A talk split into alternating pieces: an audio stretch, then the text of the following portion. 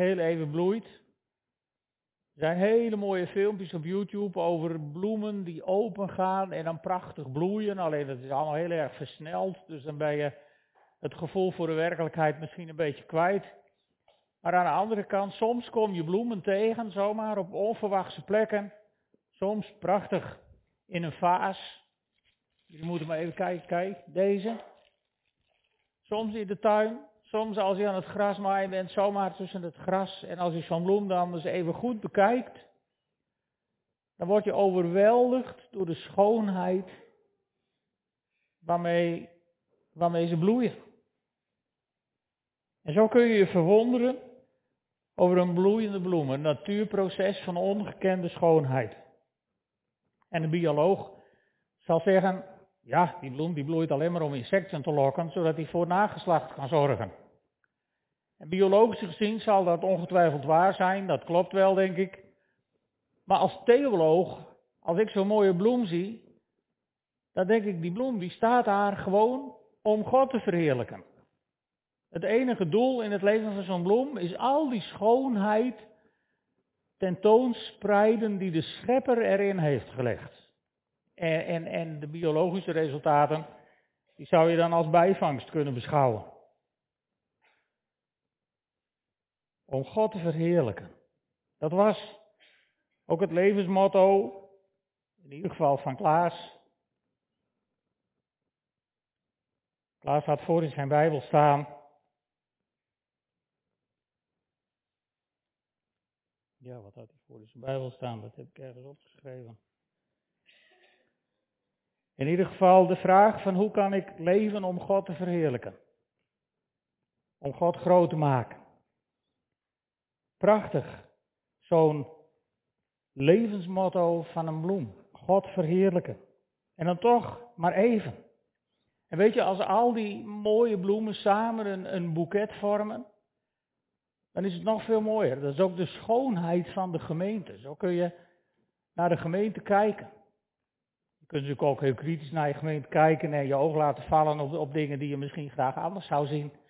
Maar als je de schoonheid ziet van die mooie mensen die God heeft gemaakt, en als ze dan ook nog bij elkaar zijn, dan is dat overweldigend. Zo konden Klaas en ik soms zondags na de preek daar bij dat geluidseiland ergens even staan. Als hier allemaal tieners zaten en kinderen rondholden, dat was nog pre-corona. En, en, en mensen bij het koffiedrinken met elkaar stonden te praten. En dan konden we zo tegen elkaar zeggen, oh wat hebben we een mooie gemeente niet. En dan konden we daar zo dankbaar voor zijn. Voor dat prachtige boeket waar je naar kunt kijken. En zo wordt de mens vergeleken met een bloem die bloeit. Heel divers, in allerhande kleuren. Een prachtig gezicht. Daar kom ik de, opmerking tegen die Klaas voor in zijn Bijbel had staan. Die vraag, hoe kan ik God verheerlijken in alles wat ik doe? Vraag jij je dat ook wel eens af? Hoe kan ik God verheerlijken in alles wat ik doe? Wat een mooi levensmotto zou het zijn als we, als we ons zouden gedragen als bloemen die bloeien. In de tijd die ons gegeven is, en niemand weet hoe lang die tijd is die je gegeven is, maar om in die tijd God te verheerlijken. Dan word je een ontzettend mooi mens van. En, en, en zo'n veld met mensen is heel bijzonder. Jezus vergelijkt dat met een veld met de lelies in het veld. Met, met, met een veld vol bloeiende bloemen. En hij zegt, die, dat is zelfs mooier dan Salomo in al zijn schoonheid. Lucas 12, vers 27. Dan zegt hij, kijk eens naar de bloemen. Ze werken niet en ze maken geen kleren en toch zijn ze prachtig. Ja, zelfs mooier dan koning Salomo in zijn mooiste kleren. En toch is dat maar tijdelijk.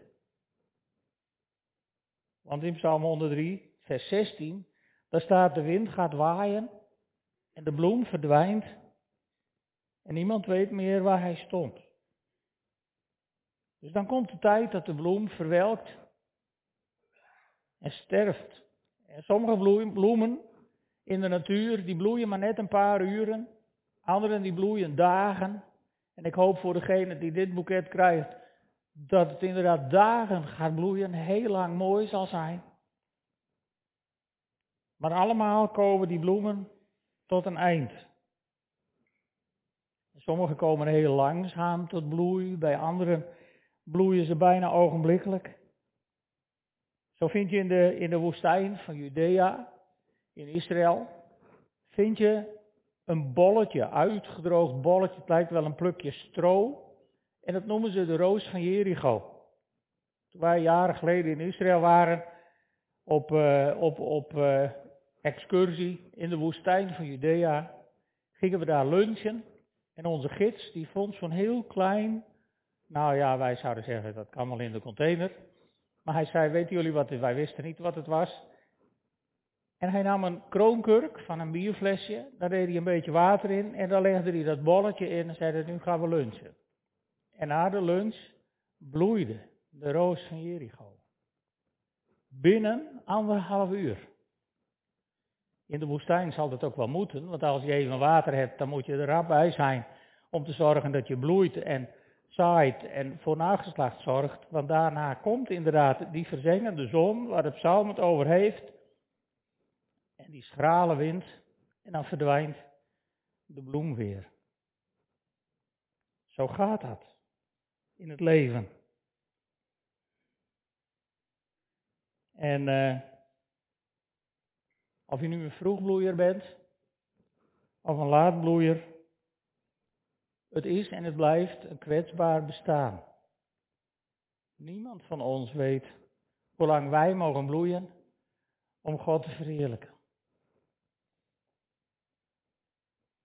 Zo zijn bloemen dus prachtig en heel kwetsbaar. En dat beeld van die kwetsbare bloem komen we tegen in Jesaja 40 vers 8. Gras verdroogt, bloemen gaan dood, en ook mensen zullen sterven. En wat ik al voorlas, Psalm 103, vers 16, de wind gaat waaien en de bloem verdwijnt. En niemand weet meer waar hij stond. Zo wordt de mens vergeleken met een bloem. Prachtig, schitterend gemaakt, kleurrijk, vol met gaven en talenten. En tegelijk zo kwetsbaar. En zoals de Bijbel het omschrijft, de bloem die knakt en die valt af in de plaats waar hij stond, en die is bijna niet meer te vinden. En wat blijft is een lege plek. Dat is ook de ervaring van velen van ons die in de afgelopen tijd bij een graf hebben gestaan. De bloem, zo mooi en zo kostbaar, die is geknakt. En de herinneringen aan toen we daar stonden zijn voor iedereen die dat heeft meegemaakt nog levendig. Toen we afscheid namen van een geliefde, die beelden die zien we voor ons. Die kist en dat open graf en de mensen die eromheen staan. Het zijn beelden die je niet meer kwijtraakt, ook als, ook als voorganger niet. Toen ik daarover nadacht, kwamen ze in mijn herinneringen zo allemaal langs van de afgelopen 25 jaar. Allemaal, weet je ze nog. En ik weet niet hoe het met jullie is, maar als je dan door Drachten fietst, dan denk je, oh ja, daar woonden Douwe en Janke. Oh ja, daar woonden Kees en Janek. Oh ja, daar woonden de Meijeringen. Oh ja, daar zat Jannie Kruid in Rispingen. Zo kun je wel doorgaan. Al die mensen, als je door Drachten fietst, dan is het niet zo wat in deze psalm staat, dat niemand meer weet waar ze stonden. Ik weet nog precies waar ze woonden. En ik weet nog precies hoe het ging. Dat laatste stukje, dat blijft je bij. En dat is ook niet erg, het is goed dat dat je bijblijft, want het zijn dierbare en kostbare herinneringen. En soms kun je daar vrede mee hebben als je vader of moeder of een geliefde op hoge leeftijd was of ernstig ziek, dat je soms blij was dat het over was. Maar soms heb je ook het gevoel het is te vroeg, het is te gauw, het is Noem het maar. Dat kan. En soms kun je je na die tijd heel eenzaam voelen in je verdriet. Want ja, die week tussen het overlijden en de begrafenis is voor de meeste mensen een soort film geweest waarin je werd geleefd. Er moest van alles en dat moest in no time. En, Er was eigenlijk geen tijd om te reflecteren. Maar na die tijd, als het eh, stil wordt in huis, de kinderen allemaal weer naar hun eigen leven zijn teruggekeerd. Zo verliest het leven voor sommige mensen zelfs zijn glans als ze een dierbare verliezen. Maar dan hoop ik en dan bid ik dat als dat in jouw leven is gebeurd, dat je ergens iemand hebt bij wie je je hart kunt luchten. Dat je iemand hebt die niet meteen in paniek raakt als je het even niet meer trekt en niet meer ziet zitten. Dat wens ik je toe. En, en, en, ik, ik wil ook pleiten dat we als gemeente dat voor elkaar durven te zijn. Dat we niet, niet weglopen voor rouw en verdriet, maar dat we er durven te staan voor elkaar op momenten dat iemand om je heen dat nodig heeft. Maar hiermee zijn de Bijbelteksten niet voorbij die ik heb voorgelezen. Want Jesaja 40 vers 8 zegt, maar de woorden van onze God verliezen nooit hun kracht. En Psalm 103 vers 17 zegt, maar de liefde van de Heer verdwijnt nooit. En daarom wil ik het vanochtend gewoon niet laten bij bloemen die bloeien en er dan ineens niet meer zijn. En daarom wil ik toch even terug naar die bioloog. Want als de bloem gedaan heeft waarvoor ze geschapen is, heeft de bloem voor ze verwelkt, voor zaad gezorgd, zodat er ook na de bloem weer bloemen zullen zijn. En hoe troostvol kan het zijn als je dat ook kunt zien? Hoe bijzonder is het als we vanmorgen denken aan mensen die zijn overleden en aan ons gemeentelid Klaas, dat dan hier bijna een kwart van de kerk wordt bevolkt door het nageslacht van Klaas. Mooi, bijzonder, troostvol. Maar ik denk dat er meer is wat je na kunt laten in het leven dan alleen maar nageslacht. Dat zijn herinneringen aan wat mensen in je leven hebben betekend. Wat je met mensen hebt mogen meemaken. En als het over herinneringen gaat, dan is Klaas in ieder geval iemand die we in de gemeente allemaal herinneren. Allemaal in een tak van werk waar je in hebt gezeten. Waar Klaas zich af en toe ook even roerde. En dat waren er nogal wat. Maar ook andere mensen die je het afgelopen jaar hebt verloren. Er zijn sommigen onder ons die hebben een, een vader of een moeder verloren het afgelopen jaar. Misschien hebben sommigen nog wel, wel andere verliezen geleden waarvan we als gemeente niet eens alles weten. Wat voor herinneringen heb je overgehouden aan diegene die er niet meer is?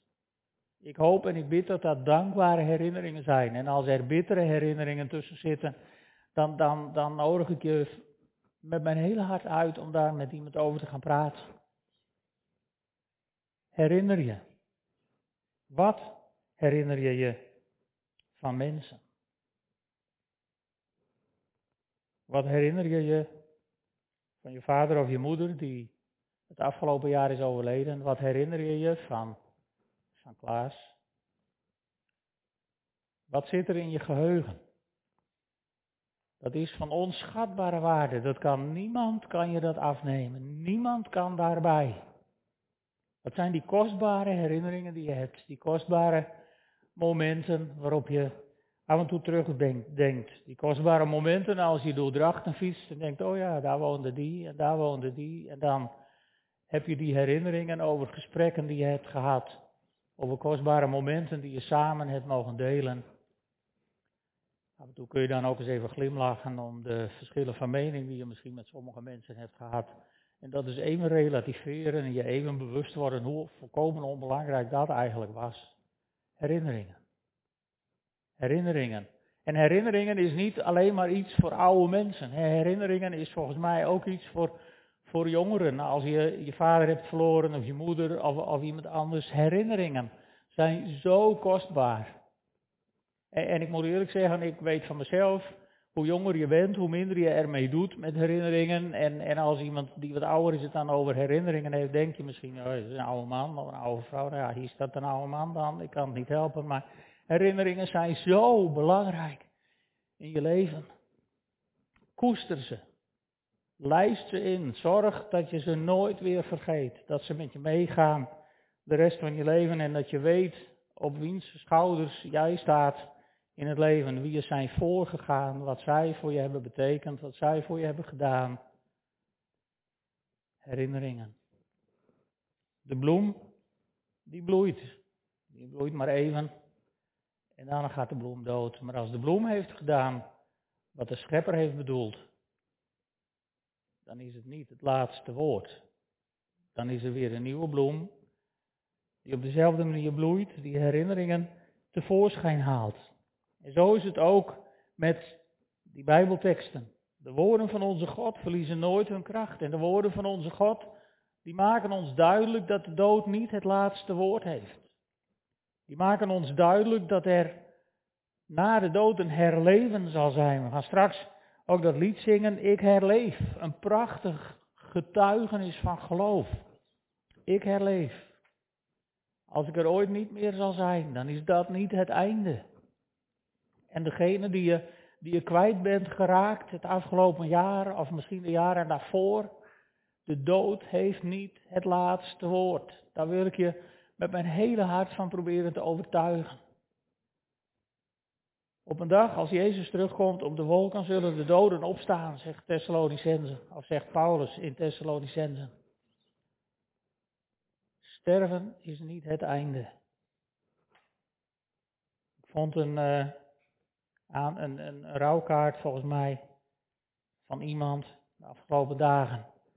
En daar stond, ik ben niet dood, ik ben alleen maar verhuisd. Mooi. Als je die overtuiging aan het eind van je leven zoiets aan mensen mee kunt geven. Maar toch, Ondanks al die troost, ondanks die zekerheid, ondanks dat geloof dat we hebben dat de dood niet het laatste woord heeft, blijft het verdriet doen als iemand verhuist. Er komt een barst in je leven door het verlies van een dierbare. Wat ik zag in de papieren van de afscheidsdienst van, uh, ik geloof, van Douwe, Postma een paar gedichtregels van Leonard Cohen. Leonard Cohen, en die zei, there is a crack, a crack in everything. And that's how the light gets in. Er zit een barst in alles en daardoor komt het licht juist binnen. Vandaag gedenken we in het midden van de gemeente de geliefden die ons zijn ontvallen. En we zien een lege plek. Er zijn herinneringen, er is diep, stil verdriet. Maar ik bid met mijn hele hart dat er in jouw situatie ook dankbaarheid mag zijn. Dat er in jouw situatie ook herinneringen mogen zijn die zo kostbaar zijn. Dat je daar de kracht uit put om, om met je verdriet verder te kunnen. Dat er dankbaarheid is voor wat God ons gaf in het leven van degene die er niet meer is. Dat er iets in jouw leven is gezaaid door die bloem die is gestorven. En ik bid dat dat licht van God met al zijn kracht mag binnenstromen in de barst in jouw leven. En dat leven, zo stond het op de rouwkaart van Klaas. Mijn leven is voltooid. Het was een geschenk van God. Jouw leven is een geschenk van God. Dat heb je van Hem gekregen. Leef het dan ook als een geschenk van God om Hem daarmee de eer te geven die Hem toekomt. En als je herinneringen na wilt laten, en je hebt misschien nog verlangens om, om iets leuks te doen met of voor iemand. Dan wil ik je oproepen, doe dat aan nu, want je weet niet wanneer de wind opsteekt. Je weet niet wanneer de zon zo verzengend wordt. Dat het jouw moment is om er niet meer te zijn. Althans, niet hier. Een bloem die bloeit. En een bloem verwelkt. Maar als het goed is, laat een bloem iets achter. Een herinnering. Iets kostbaars. Waar je kracht uit put. En naast die bloem is er die God die altijd blijft. Zijn woorden verliezen nooit hun kracht. En de liefde van God zal nooit vergaan. Ik hoop dat dat je troost. Ik bid dat dat voor ieder van ons je de moed mag geven om te leven in alle uitbundigheid. Om te bloeien zoals je misschien nog nooit van tevoren gebloeid hebt. In de wetenschap dat dat maar een klein stukje is. Maar dat je daarna mag verhuizen en daar eeuwig verder mag bloeien. In de aanwezigheid van God. De dood heeft niet het laatste woord. Zullen we samen bidden. Heere God, als we vandaag denken aan degenen die ons het afgelopen jaar zijn voorgegaan in de verhuizing naar U, Heere, dan, dan hebben we verdriet. Dan realiseren we ons die lege plek. Maar dan kan er ook dankbaarheid zijn voor de prachtige herinneringen die we hebben. Die kostbare dingen opgeborgen in onze hersenen, die niemand ons af kan nemen, die ons de troost geven en de kracht geven om verder te gaan. En die ons, als het zo mag zijn, ook de moed geven om ons eigen leven te leven. Zoals een bloem die in alle uitbundigheid gaat bloeien. Niets terughoudt, niets achterhoudt, maar in alle schoonheid u verheerlijkt. Heren, mogen onze levens ook u verheerlijken in alle uitbundigheid, nu het nog kan. En als onze dag gekomen is, de wind schraal wordt in ons leven, geef ons dan ook de moed om te verhuizen achter diegenen aan die ons voorgingen. En dan verwachten we een weerzien op een of andere manier, hoe dan ook, die u weet. Heren, want uw woord houdt eeuwig stand. En uw hand laat nooit los wat hij begon. Houd ons vast, heren, in uw vaderarmen. Dat bid ik van u in de naam van Jezus. Amen. We gaan een lied zingen. En dan komen, als het goed is, de kinderen weer terug.